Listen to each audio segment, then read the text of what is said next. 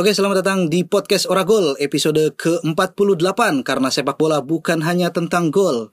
Saya Ikhlas Alfarisi sebagai host dan lagi-lagi ditemani oleh teman saya, iyalah ditemani oleh teman, masa ditemani oleh musuh. Yoi.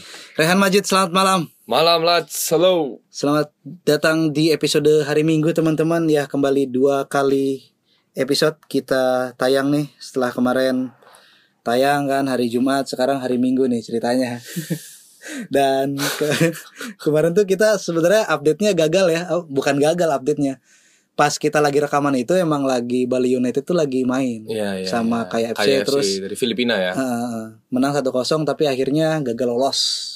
Dan ternyata yang lolos dari Indonesia di semifinal zona ASEAN adalah PSM di Only Makassar. Selamat Padahal dia mainnya di Malaysia ya. mainnya di Malaysia. Sedangkan Bali yang di kandang sendiri justru gagal lolos. Nggak ada hubungan sih. Karena ada yang Main bilang kalau kandang. Bali itu jago sebagai jago kandang. Hmm, Kalau kemarin dia juara juga di Bali. Katanya sih begitu, Pren. Enggak lah. Brazil juaranya di Eropa terus nggak pernah di Brazil. Main di Brazil 7-1. Kacau ya. Kacau. Susah emang. Nggak nggak jadi jaminan. gitu. Iya. Penting mental. Indonesia main di Kuwait, tuan rumahnya dikalahin. Iya. ya kan? Ya isi. tidak ya, tudingan-tudingan tuan rumah segala macam ya. Ya back to back emang Bali United jago gitu aja udah nggak usah ada wah klub apa ini siluman? Tidak. Ya giliran sekarang lemah ya udah emang faktanya lemah gitu di kancah sepak bola Asia. Asia. Berbenah berbenah. Masih ada waktu. Ini Bali berbenah. Kalau kata teman-teman dari Mangkunegara. FC Oke, eh, episode kali ini kayak mau basa-basi dulu nih. Waktu tempat dipersilakan nih karena kita ini los aja lah. Oke. Bahasnya nggak yang berat-berat sih. Oke, jadi kemarin seorang teman menikah. Teman yang mungkin buatku pribadi sangat ya bisa dikatakan dekat dan buat Faris juga ya dekat dan pernah punya project podcast bersama juga Iya iya iya. dan sebetulnya kita tidak dalam jangka umur yang jauh ya. Iya iya. iya. Dan kalau bicara soal Beda satu tingkat doang ya. ya beda satu tingkat doang dan dengan eh, pekerjaan yang dia jalani sekarang ya sebetulnya belum terlalu lama juga dia kerja. Hmm. ya Faris misalnya baru mulai aku juga mungkin baru satu tahunan ya sebetulnya nggak jauh-jauh amat Iya iya iya. iya. yang membedakan adalah dia sudah menikah Ya betul. pembeda jelas Iya, statusnya suami Mm-mm, betul. kepala keluarga keluarga. Bikin kakak baru. ya bikin kakak baru Kan eh bentar. KTP kita kan seumur hidup. Itu gimana cara ganti statusnya? bisa bisa ke dukcapil Oh, keduk dukcapil capil. diurus Oh, di-update berarti. diupdate Oke, termasuk oke. foto itu kalau udah nggak relate sama muka kita sekarang tuh Oh, bisa. Bisa. Ganti foto profil bisa, di KTP. Hmm, jadi misalnya katanya kalau Ganti avatar ya. Nah, persyaratannya misalnya dulu belum berhijab, Hmm. sekarang berhijab bisa diganti. Dulu belum tumbuh jambang brewok, sekarang tumbuh bisa Oh, diganti. Oke, oke, oke, oke. Seperti itu. Saya tahu karena pernah searching waktu itu pernah mau ganti foto juga gitu. Merasa ngeliat KTP oh sudah tidak relevan ini. iya, terlalu muda ini. Tidak mewakili. Itu pun bikin KTP karena dulu dipaksa ya. Iya, dipaksa. Males sebetulnya. itu masih pakai seragam sekolah, aku masih ingat. Bagus. Lanjut lanjut gimana? Nah, eh mungkin ini keresahan yang tidak hanya dirasakan oleh aku atau barangkali Faris, tapi mungkin banyak pendengar yang juga merasa kalau ini jadi keresahan bersama. Betul sekali. Banyak orang yang sudah melompat dari fase yang hari ini jamak dilalui sama anak-anak muda yang entah menikah Hmm. atau sudah punya pekerjaan yang mapan dan segala itu kan stage-stage yang belum kita rasakan. Dream, dream. Dream, masih dream, masih dalam rencana jangka panjang mungkin kita sekarang lagi menjalani target-target jangka menengah. Nah, Triwulan kedua. triwulan kedua ya ini masih bongkar pasang, trial and error. Ya, ya, ya, ya. ya. Nah, eh sebetulnya curhatanku lebih mau ke sharing aja sih. Kita kayak sharing aja, Riz. Kalau kue sendiri menyikapi nih di umur-umur segini itu udah banyak mungkin teman-teman musuh angkatan, sejurusan, teman-teman SMA, teman-teman rumah mungkin banyak yang nikah. Itu gimana sih? Sedangkan secara pribadi aku pun merasa ya masih kerja dengan UMR yang sedemikian rupa, masih bergeliat pada hal-hal yang belum berprofit, masih menikuni idealisme barangkali. Itu kira-kira Tapi ada kan yang udah udah ada pro- profitnya. ya ada, ada, ada, ada. Yang jackpot jackpot itulah pokoknya. lumayan kan lumayan lumayan kan itu bisa Iya, inilah melayang-layang apa ya ya di fase sekarang kita harus melihat enggak aku tahu pas awal-awal Hmm. ya pas awal-awal ngantor gitu kerasa tekanannya kaget gitu kan. Wah. Dan mulai sedikit demi sedikit tuh mulai masuk akal gitu loh. Banyak hal yang mulai masuk akal. Contoh? Oh ternyata pantesan gitu. Ada judi slot. Oke. Ada MLM gitu. Nyari uang dengan cara yang halal tuh susah, Susah. men. Iya. Lama kayaknya ya. Iya. MLM tuh halal, halal gak sih? Ya itulah pokoknya. Iya. Instan mungkin ya Oh, pantesan ada jalan pintas, jalan pintas untuk mencapai kekayaan, untuk mencapai suatu kemapanan gitu kan. Walaupun kalau kata Naruto kan tidak ada jalan pintas menjadi Hokage. jalannya terjal dan berliku Iyalah, harus perang dunia dulu kan. Iya, harus menghentikan Kaguya dulu kan. taruhan nyawa ya Taruhannya nyawa berkali-kali dihadapkan oleh persoalan nyawa gitu kan. Tapi tetap lolos dan berhasil menjadi Hokage. Begitu pula kita di fase-fase ini gitu. Ya kalau kowe mengharapkan mapan, kalau kowe mengharapkan sesuatu yang ideal, ya emang gak ada jalan pintasnya gitu. Hmm. Kalaupun ada, itu semu menurutku. Yoi. Ini aku pelan-pelan banget ngomongnya ya. Takut salah. Dan ketika ngelihat kenyataan-kenyataan oh, apa namanya yang ada di sekitar kita, teman kita yang emang deket gitu, ya gue banyak ngalamin teman-teman Ah, dekat muda ini ya deket banget gitu ngobrol segala macem baiknya aku jeleknya aku dia tahu gitu Hmm. itu ternyata nikah sudah punya kehidupan sendiri gitu Ya. kehidupan privasi yang kadang gitu kan eh aku pengen tahu gitu loh kayak gimana sih gini, gini. cuman kan itu bukan hakku untuk cari tahu ya tabu mungkin juga ya ya nggak berhak aja gitu lebih nggak Iya berhak sih. kecuali Ngapain emang juga ya kan Heeh, kecuali emang dia tuh emang sumpek dan apa namanya ngerasa untuk apa merasa dirinya untuk menumpahkan keresahan itu ke teman dekatnya. Ya aku sebagai teman yang baik mendengarkan dong gitu kan. Hmm. Yang nggak berusaha nyari solusi karena kan tidak relate gitu kan. ya gitu. nggak tahu ya Nggak tahu. Kok tanya saya Iya katanya saya. Gitu nggak tahu. Ya itulah pokoknya. Tapi disclaimer ya, maksudnya mungkin teman-temanku atau teman-teman Faris atau teman-teman kalian semua yang udah menikah belum tentu juga dalam keadaan yang mapan, Riz ya. Nggak ada nggak ada juga ya, sebuah syarat kalau mau nikah tuh harus mapan dan itu mungkin relate juga ketika teman-teman kita nikah ya mungkin mereka belum mapan-mapan amat. Iya iya. Tapi iya. ada satu apa mungkin keberanian atau minimal mereka udah punya inilah, udah punya gambaran lah, beranilah nikah, ada gambaran lah gitu. Mapan sih belum mungkin ya, tapi Iya iya. ya ada gambaran gitu. Ya mungkin beda ceritanya kalau misalnya kita tenar, beda ceritanya kalau kita kaya, bertalenta, tampang menarik, mungkin lebih mudah ya kayak David Beckham misalnya. Waduh, lagi bikin jembatan teman saya ini. Ya, iya dong. iya sih Iya. bener. Privilege itu nggak nggak selalu dalam bentuk keturunan kan. Ah, Wajah yang menarik, iya betul. lalu kemudian talenta, Talenta, iya iya. ya finansial freedom yang diraih lewat kerja keras itu ya Hmm. Betul, betul, akan betul. menjadi privilege juga pada akhirnya gitu. Iya iya iya. Oke, ya di episode kali ini ya karena ini adalah tanggal 3 Juli dan sebenarnya besok momennya. Jadi momen besok adalah 4 Juli itu eh 23 eh 24 tahun yang lalu. Hmm. 24 tahun yang lalu adalah momen bagi seorang David Beckham merayakan atau melangsungkan resepsi pernikahannya bersama Victoria Adams Yoi. yang ka- mungkin orang yang baru tahu Victoria sekarang tuh nggak tahu kalau nama aslinya sebenarnya Victoria, Victoria Adams. gitu kan. Bukan Victoria Beckham. Karena tapi apa tapi karena saking lekatnya gitu kan. Pernikahan ini begitu langgeng gitu kan. Apa ya kayak ya nanti kita ngomongin soal keunikan keanehan kok bisa dua superstar ini kok eh, pernikahannya selanggeng ini Hmm. gitu kan bahkan kemudian jadi rujukan semua orang gitu kan Ken- Jadi gimana- tempat bertanya. tempat bertanya kolumnis kan si Victoria Adam itu di ya? eh, di majalah Vogue gitu dia sering nulis tips dan itu oh iya eh, benar benar benar. gitu-gitu nah jadi eh, di episode kali ini kita akan membahas kisah tersebut pernikahan antara David Beckham dan Victoria Adams nah kisah pernikahan David Beckham dan Victoria ini menjadi inspirasi bagi pasangan muda untuk tetap langgeng gokil sebab pasangan selebriti yang menjadi icon fashion ini sudah tadi kita udah bilang ya 23 tahun men menikah itu bukan umur yang sebentar kan Iya iya. Yoi, jadi pengurus organisasi satu tahun itu ya merasa Ketar ketir. ketar ketir. Apalagi membina rumah tangga selama 23 tahun kan. Waduh. Heeh. Menikah gitu kan dan masih sampai sekarang tetap mesra. Mesranya beneran bukan bukan ini aja karena konten ya gitu kan. Enggak lah. 23 tahun tetap mesra, apa rahasianya? Waduh. Dan mereka punya buah hati yang sudah punya jodoh juga gitu kan. Dan eh, apa namanya Victoria ini secara umur pun lebih tua dan David Beckham itu satu tahun di bawahnya. Jadi Oh, lebih umurnya tua setahun eh, umurnya Victoria. sekarang tuh Victoria tuh 47 apa ya? 47, Beckham itu sekarang 46. Mm. Beda gitu. Beckham siapa ini?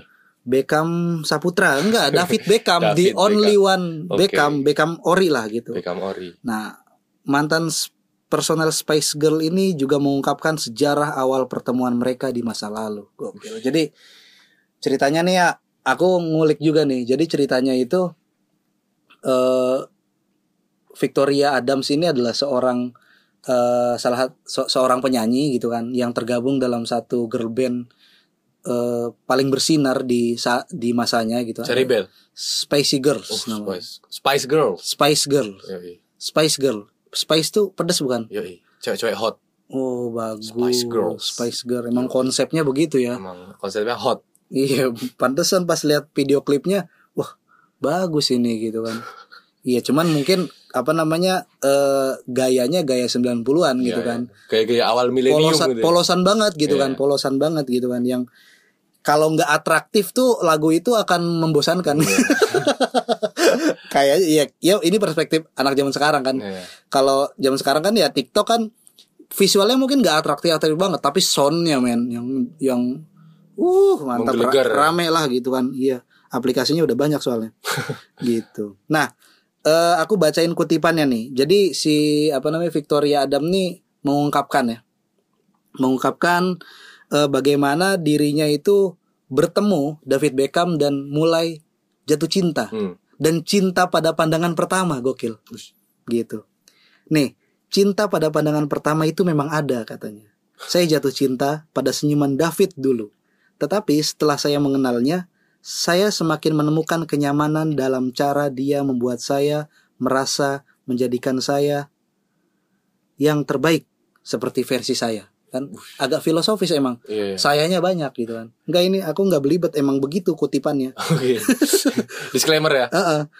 dalam ya dia dia menyampaikan itu di Daily Mail waktu itu jadi diwawancara gitu jadi eh seorang diva gitu kan bertemu sama seorang rising star kan dulu kan Iya, youngster ya. youngster gitu kan David Beckham di apa namanya di tahun-tahun sebut lagi emang jadi hot-hotnya di sepak bola Eropa waktu Komoditas itu panas. Ah, Manchester United kan yaitu puncak kejayaannya Alex Ferguson juga ya gitu kan Hmm. dan dia dikaruniai bakat sehebat Beckham kemudian bertemu dalam sebuah itu nih apa sih fashion show atau apa sih gua nggak tahu Ada sebuah acara ya intinya ya. Hmm. nah hebatnya gitu kan setelah pertemuan pertama kali mereka itu nanti pertemuan pertama kalinya ini aku kurang tahu kayaknya dari di pesta gitu. Jadi eh si Victoria ini dicomblangin antara Victoria dan David Beckham dicomblangin sama Gary Neville. Uh. jadi kayak coy lu suka nggak sama cewek ini? Gitu. Terus mbak ini loh ada mas-mas ganteng mbok kenalan apa piye? Mungkin gitu ya aku nggak tahu lah. Gitu. Tapi pada intinya eh, ketika mereka itu berkenalan dan eh, berkenalan dan semakin dekat itu akhirnya membuat publik gitu loh. Ya ya berita-berita seleb gitu awalnya mungkin kayak nyinyirin gitu loh. Hmm. eh kedekatan Victoria Adam dengan seorang pemain sepak bola. Karena mungkin waktu itu ya eh, mindsetnya adalah "Ih, ngapain sih pacaran sama pemain sepak bola kok bisa gitu kan? Kok bisa kan penyanyi? Kenapa nggak pacaran sama aktor? Hmm. kenapa nggak pacaran sama pengusaha batu bara? gitu. Waduh. iya gitu gitu Intinya pada pertemuan itu yang sebetulnya membuat mencolok adalah sepertinya David Beckham ini udah pernah lihat salah satu video klip dari Spice Girl yang berjudul Say You Are Be There. Di mana dalam video klip itu si Victoria sedang mengenakan busana yang sebutannya adalah catsuit. Mungkin kalau susah membayangkan tahu Catwoman nggak sih? iya iya iya Catwoman tuh kan pakaiannya kan hitam ketat, jeplak-jeplak gitu lah ya. Iya iya iya. Nah itu kurang lebih adalah gambaran pakaian yang digunakan oleh Victoria Beckham di video klip itu. Nah kemudian dalam pertemuan itu eh, David Beckham mengutarakan bahwa dia tertarik sama dia yang pakai catsuit hitam yang mana itu merujuk kepada Victoria Adams pada saat itu. Mm. Nah, eh selain itu juga si Victoria juga bilang baru-baru ini di 2017 karena dapat banyak sorotan dan apresiasi mungkin ya karena 23 tahun menjaga bahtera rumah tangga gitu ya. Gokil gokil. menjadi kolumnis di Vogue magazine gitu ya jadi panutan bagi anak-anak muda di Iya, iya, Manchester mungkin. Heeh. dia kemudian ada ininya kan ada filter itu ya kan jadi kita foto bisa foto terus ada fugu oh iya iya. Iya, iya kan iya, di Instagram ya. Hmm, ala-ala gitu. Iya, ukti ukti. Jadi Victoria ini juga bilang nih eh, di salah satu kolom nih ah, kolomnya di Vogue dia bilang gimana sih bacanya Vogue Vogue ya, itulah ya. Ya itulah. Dia bilang resep pernikahan yang langgeng yaitu memiliki kesabaran, tahan lisan. Wah, ini kan sering kali kan cekcok ya, ini harus tahan lisan, bersikap suportif dan tetap memberikan chemistry. Dan yang paling utama adalah selalu tampil menarik, jangan pernah membiarkan diri tanpa berdandan. Setidaknya sisirlah rambut, bersihkan gigi dan lakukan sentuhan pada alis. Wah. Oke. Jadi effortnya tetap ada Riz meskipun udah nikah bukan karena oh, gue udah laku bodo amat gitu enggak Iya, juga. iya, iya. Victoria ini tetap mengutamakan harus modis gitu Iya. karena ya mungkin pada beberapa titik ya enak ya ngeliat istri yang cantik yang terus menerus menjaga Enggak enggak, jangan istri deh. Kita kan belum relate. deh. oh iya ya Menjaga kelanggengan hubungan pacaran iya, aja iya, deh. iya, ya misalnya kita punya pacar Iya. gitu terus enggak, dia enggak misalnya kowe aja ya gitu. oke ya nanti aku sakit hati kalau Iya denger. enggak apa-apa. Enggak apa-apa, Cok. Oke, oke. Enggak denger juga ngapain. ya perumpamaannya orang lain aja lah ya Iya, iya. misalnya ada dua pasangan nih pasti akan menyenangkan ketika mungkin ya ini versi versinya si Victoria ya Nah, ya mungkin dia berpikiran sangat menyenangkan apabila punya pasangan itu dia selalu tampil modis trendy fashionable mengikuti fashionable. tren. Jadi nggak bosen pasangan gitu. Jadi Iya, iya, iya. selain harus tahan lisan sabar ya tetap harus tetap modis gitu. Jadi itu Hmm. mungkin itu salah satu resep ala Victoria dalam menjaga bahtera rumah tangga bangsat ini kita jadi kayak infotainment gitu ya lucu ya. Enggak apa-apa, ya itulah. Nggak apa-apa Ini kan jadi Apa ya Unik-unik gitu. Bisa dibilang unik gitu. Justru kita belajar Apa namanya Ya bukan belajar ya Melihat potret sebuah hubungan yang langgeng itu Dari Ya mantan sepak bola yang sebenarnya di, di sepak bola itu ya nggak nggak lurus-lurus amat kan. Hmm. ya David Beckham kan kita tahu gitu kan semasa dia man- di Manchester United dia star syndrome gitu kan. Ya kan. Ah, star syndrome terus ya pernah pernah dicaci maki sama eh, Alex Ferguson hubungannya sempet memanas Renggang, gitu ya. kan sempet renggang yang membuat akhirnya dia hengkang kan dari Manchester United ke Real Real Madrid gitu kan dari Real Madrid dia ke LA Galaxy Ella Galaxy itu sih lebih. Nah itu dia tuh pilihan dia berkarir di Amerika kayaknya ya untuk menjaga keharmonisan hubungannya dengan Victoria kan. Victoria juga kayak kan pingin dia ke Amerika kalau nggak salah ya. Mm, mm, mm. Tapi itu menarik. Kalau kita lihat hanya berselang dua pekan kalau nggak salah setelah perayaan treble winner United ya. Iya iya Per tanggal 26 Mei 1999 di Camp Nou kan. Iya iya iya. Ada kemenangan dramatis United 2-1 atas FC Hollywood Mm, mm. dengan gol terakhir dari Ole Gunnar Solskjaer itu. Yang umpan Beckham, Yang umpan Beckham, tapi kena Teddy Sheringham dulu Teddy. Sheringham dulu. Nah, lewat momen itu namanya meroket dan tiba-tiba dua pekan berselang dia langsung melangsungkan ah, langsung melakukan Resepsi. resepsi pernikahannya sama Victoria Adams Hmm. gitu. Abis abis juara langsung sasrahan. Waduh, juara di luar dan dalam lapangan lah. Iya. Dapat seorang Victoria Adams yang menurutku mungkin pada masanya juga idola banyak kaum Adam gitu ya. Iya iya iya. Tapi- kayaknya kayaknya di Manchester tuh ininya ada kan dulu belum ada sosial media ya. Mm. Jadi ada eh, banner-banner gitu. Koran, koran, koran. Iya, iya di koran gitu kan. Ya enggak di banner fans-fansnya Oh. gitu loh. Hashtag Hari Patah Hati Sedunia. Aduh. Di di Inggris, di Inggris. Hmm. Kalau di sini kan buat Raisa ya. Iya. Di sana buat Beckham. buat Raisa, buat Hmm. Maudi Hmm. dan Nah, tapi itu menarik. Eh, ternyata meskipun apa namanya terlihat hidupnya sangat langgeng maksudnya lempeng gitu ya Mm-mm. lempeng dalam artian enak banget tuh habis juara treble nikah dapat seorang personal girl band yang lagi tenar juga wah kayak couple goals lah ya Iya iya iya. tapi ternyata Sir Alex Ferguson selaku manajer Manchester United saat itu kurang srek dengan pernikahan sang pemain ya Iya iya iya. Meskipun memang Alex Ferguson bukan ayah biologisnya Beckham, Hmm. dia nggak punya hak melarang. Tapi untuk urusan di lapangan dia punya hak untuk berbicara pilihan dia itu bisa mempengaruhi performanya di lapangan. Iya iya iya iya. Di salah satu wawancaranya Sir Alex pernah bilang setelah menikah dengan Victoria Adams atau Victoria Beckham, Beckham bukanlah lagi orang yang sama gitu. Karena kemudian bias ke apa namanya eh, meng menerjemahkan dirinya sendiri dia sebagai pemain sepak bola atau sebagai seorang pesohor. Mm. Karena praktis setelah menikah dengan Victoria, highlight dan sorotan bertambah dong. Iya betul. Jadi selebritas juga akhirnya. Iya iya. iya. Nah dari situ kayaknya mulai muncul istilah wax apa apa sih? Ya wife and girlfriends gitu Iya ya. iya iya. iya. Ya barangkali seperti itu. Tapi yang tapi aku bisa memahami posisinya Sir Alex Ferguson. The Class of 92 si Ryan Giggs, Paul Scholes, David Beckham, Phil Neville, Nicky Butt dan Gary apa Gary Neville itu kan komoditas yang panas ya. Maksudnya anak-anak akademi bisa menguasai Eropa itu kan bukan hal yang sederhana ya. Mm-mm. Dan tugas Ferguson mungkin saat itu ya bagaimana menjaga generasi ini tetap berlanjut itu karena filosofinya mungkin filosofi United gitu. Dan ketika salah satu apa ya pion penting dalam permainannya itu mulai nggak benar dalam tanda kutip menurut Ferguson ya pasti dia marah gitu. Karena ya seperti dibilang tadi akhirnya sorotannya meningkat gitu. Soal fashionnya, soal gaya rambutnya dan Iya, segala iya, macam. iya, iya. Dan secara tidak langsung itu kan juga mendorong Beckham untuk lebih memperhatikan dirinya di luar lapangan kan Betul betul. Harus memperhatikan Iya. posisinya sebagai seorang selebritas juga Iya iya. nggak bisa seluas dulu gitu Hmm.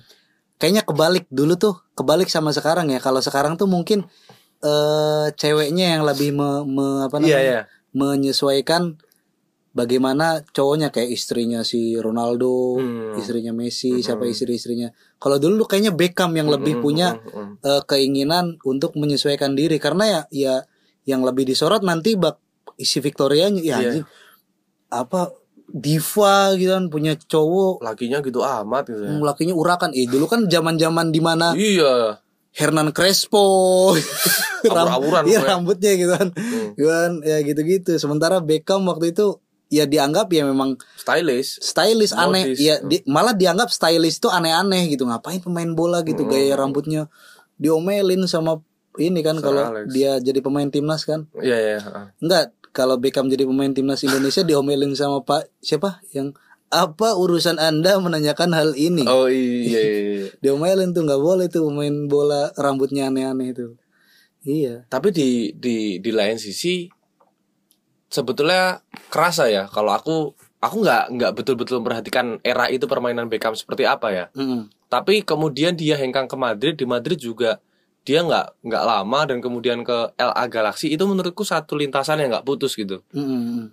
oke pindah ke Madrid karena imbas konfliknya dengan Sir Alex salah satunya. Iya iya iya lalu kemudian dia di Madrid. Terus kemudian setelah dari Madrid pilihan dia hengkang ke LA juga ya di sana negeri Hollywood coy. Iya iya iya. Di sana entertainment nomor satu barangkali. Iya iya iya iya. dan dengan masuknya Beckham dan Victoria ke sana ya pasti sorotan lebih meningkat dong Mm-mm. dan mungkin itu bisa jadi salah satu alasan barangkali kenapa kemudian Beckham memilih ke eh, Amerika Mm-mm. bahkan rasa-rasanya sampai hari ini Beckham kayak nggak mau melepaskan pengaruhnya dalam olahraga terkhusus sepak bola di Amerika Ah, salah satu buktinya dia jadi salah satu pemilik atau investor bagi Miami FC kan iya, Miami FC. Iya, yang iya. yang yang kemudian saat ini anaknya juga akademinya di situ si Iya, Romeo kalau nggak salah Romeo Beckham ya Romeo Mm. Beckham. Ya pada akhirnya meskipun banyak orang yang bilang bias melihat David Beckham ini sebagai seorang football player atau sebagai seorang selebritas, tapi tetap orang masih banyak yang percaya Beckham punya totalitas dalam olahraga 11 lawan 11 ini. iya iya Karena di 2013 di hari di mana dia memutuskan pensiun waktu itu di PSG Iya, di PSG nangis dia kan. iya nangis nangis nangis Nangis entah karena dia sedih atau mungkin harusnya gue nggak pensiun di sini nih yes itu yang aku pikirin. kenapa gue nggak diterima lagi sih di MU Iya iya iya. Karena aku aku mik- aku mikirnya eh David Beckham sebetulnya deserve karir yang lebih baik gak sih? Aku ngerasa betul betul betul. pemerosotan karirnya itu kerasa itu loh kalau David Beckham tuh. Mm-mm. Treble winner, nggak berselang lama, beberapa musim 2003 Mm-mm. dia pindah ke Madrid. di Madrid. Di Madrid juga waktu itu nggak begitu mentereng juga kan. Iya iya iya. Juara Liga satu kali doang. Mm-mm. Waktu itu berarti dominasi siapa ya? Ibar Deportivo La Coruña. Deportivo La Coruña. Iya, Tim-tim lucu-lucu itu lagi keren-kerennya. Iya kan lucu-lucu saat ini. Iya. lagi keren-kerennya. Oke. Deportivo La- Iya. Bener dong. Iya benar. Deportivo La Coruña waktu itu ada Roy Makai, Iya, Diego Tristan, ya Iya, kan? J, J. gila-gila Iya, iya. dan saat itu ya nggak tahu ya kondisi di Madrid seperti apa tapi Soalnya proyek kan full full bintang kan waktu itu. Iya kan. iya iya. Zidane, Proyek Figo, Galacticos pertama. Carlos, Mm. iya. Ronaldo. Ya, nah, nah Walaupun setelah ada Haji Guti sih. Haji Guti pembeda ya. Asis-asisnya juga nggak kalah keren maksudnya kalau sama Beckham. Iya iya iya. iya. Kemudian pindah ke LA Galaxy ya udah meskipun memang eh ya barangkali dia memang saat itu mi- memilih bermain di situ dan itu terbaik buat dia ya tapi dia di- jadi sorotan di luar lapangan tapi di dalam lapangan ya udah biasa aja. Iya iya iya. Tapi ya terlepas dari semua itu pilihan Beckham untuk bermain di MLS kan sekarang nyatanya diikuti banyak orang ya. Iya iya iya. Nah, di tahun 2010 ini David pernah berbicara nih lewat wawancaranya kepada Hello, tanda seru. Ini media apa ya? Kalau di Android kan ada nih aplikasi Hello tuh buat Hmm. tahu-tahu info terkini. Nah, dia tuh berbicara tentang bagaimana mereka itu menjaga hubungan mereka tetap hidup. Hmm. Gitu. Sama Victoria Beckham Ah, tadi ya. ah. Da- dan si Beckham ini mengatakan bahwa mereka memiliki eh, waktu gitu kan untuk selalu berkencan pada malam hari di setiap Rabu. Jadi seminggu sekali tuh nggak Rutin ya. nggak putus men. Ya me time, quality time sama Victoria. Yang itu mungkin membuat ya ini apa namanya cocokologi aja. Jangan-jangan dia tuh di Madrid main di Madrid mungkin Madrid punya masih punya filosofi ya. Maksudnya dia main harus teknik apa segala macam. Pemain pun walaupun kamu bintang ya harus serius gitu kan di ini. Tapi ketika kamu serius ya akhirnya energimu habis di sepak bola sehingga waktu untuk berkencan gitu segala macam tuh kayaknya habis gitu kan. Capek. Nah, daripada saya mengorbankan itu eh sementara si Victoria kan bukan mbak-mbak biasa yang diperistri lalu dia akhirnya jadi bintang kan dia awalnya memang superstar gitu loh.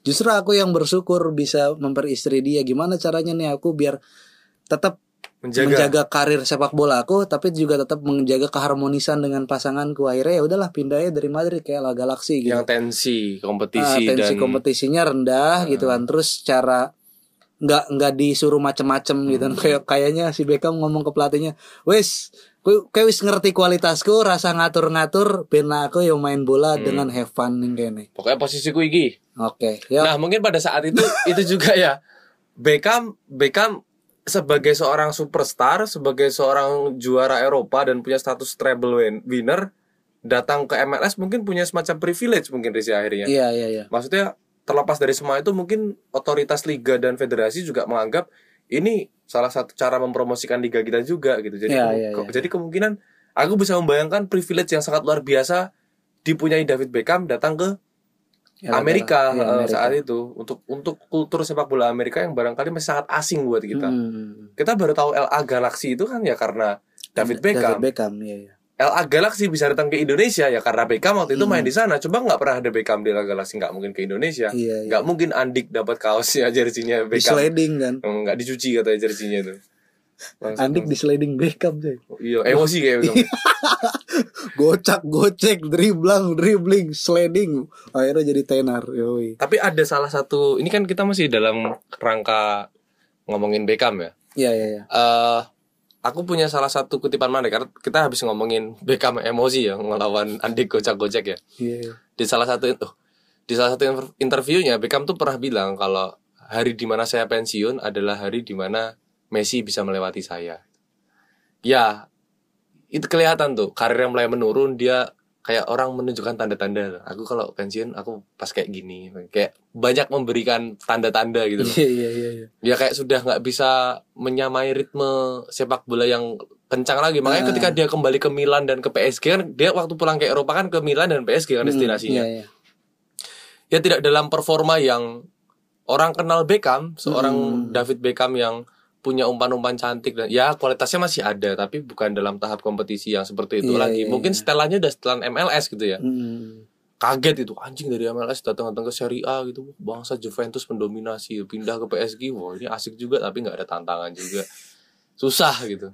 Dia lebih banyak memberi wejangan ya di Hmm. Liga Prancis ya kayak ngene lo, ngene lo gitu-gitu ya. Terakhir mungkin eh, terlepas dari semua itu eh, Beckham tetap seorang Beckham ya. Eh, Orang-orang tetap nggak bisa melupakan momen di mana Beckham menjadi aktor penting ketika memastikan Inggris lolos ke Euro 2004 kalau nggak salah Betul, lewat tendangan bebasnya di Old Trafford waktu melawan Yunani kalau nggak Iya, salah iya, itu. iya. Ya itu sangat ikonik. Dia punya jejak sepak bola yang nggak bisa dilupakan juga. Di Manchester United, apa pun ceritanya dia salah satu pemegang nomor 7 terbaik sepanjang sejarah klub. Lalu di MLS, semua orang yang hari ini memilih berkarir di MLS bukan karena Pele, bukan karena Beckenbauer, bukan Hmm. karena George Best, tapi karena David Beckham. Ada sebuah testimonial nyata yang Iya, testimoninya kalau kamu ingin langgeng rumah tangga, ya udah main bolanya gitu. Iya, Ya di sini kasih aja. kasih waktu untuk pasanganmu biar langgeng gitu. Ya itu aja lah ya. Sampai jumpa di episode selanjutnya. Bye bye.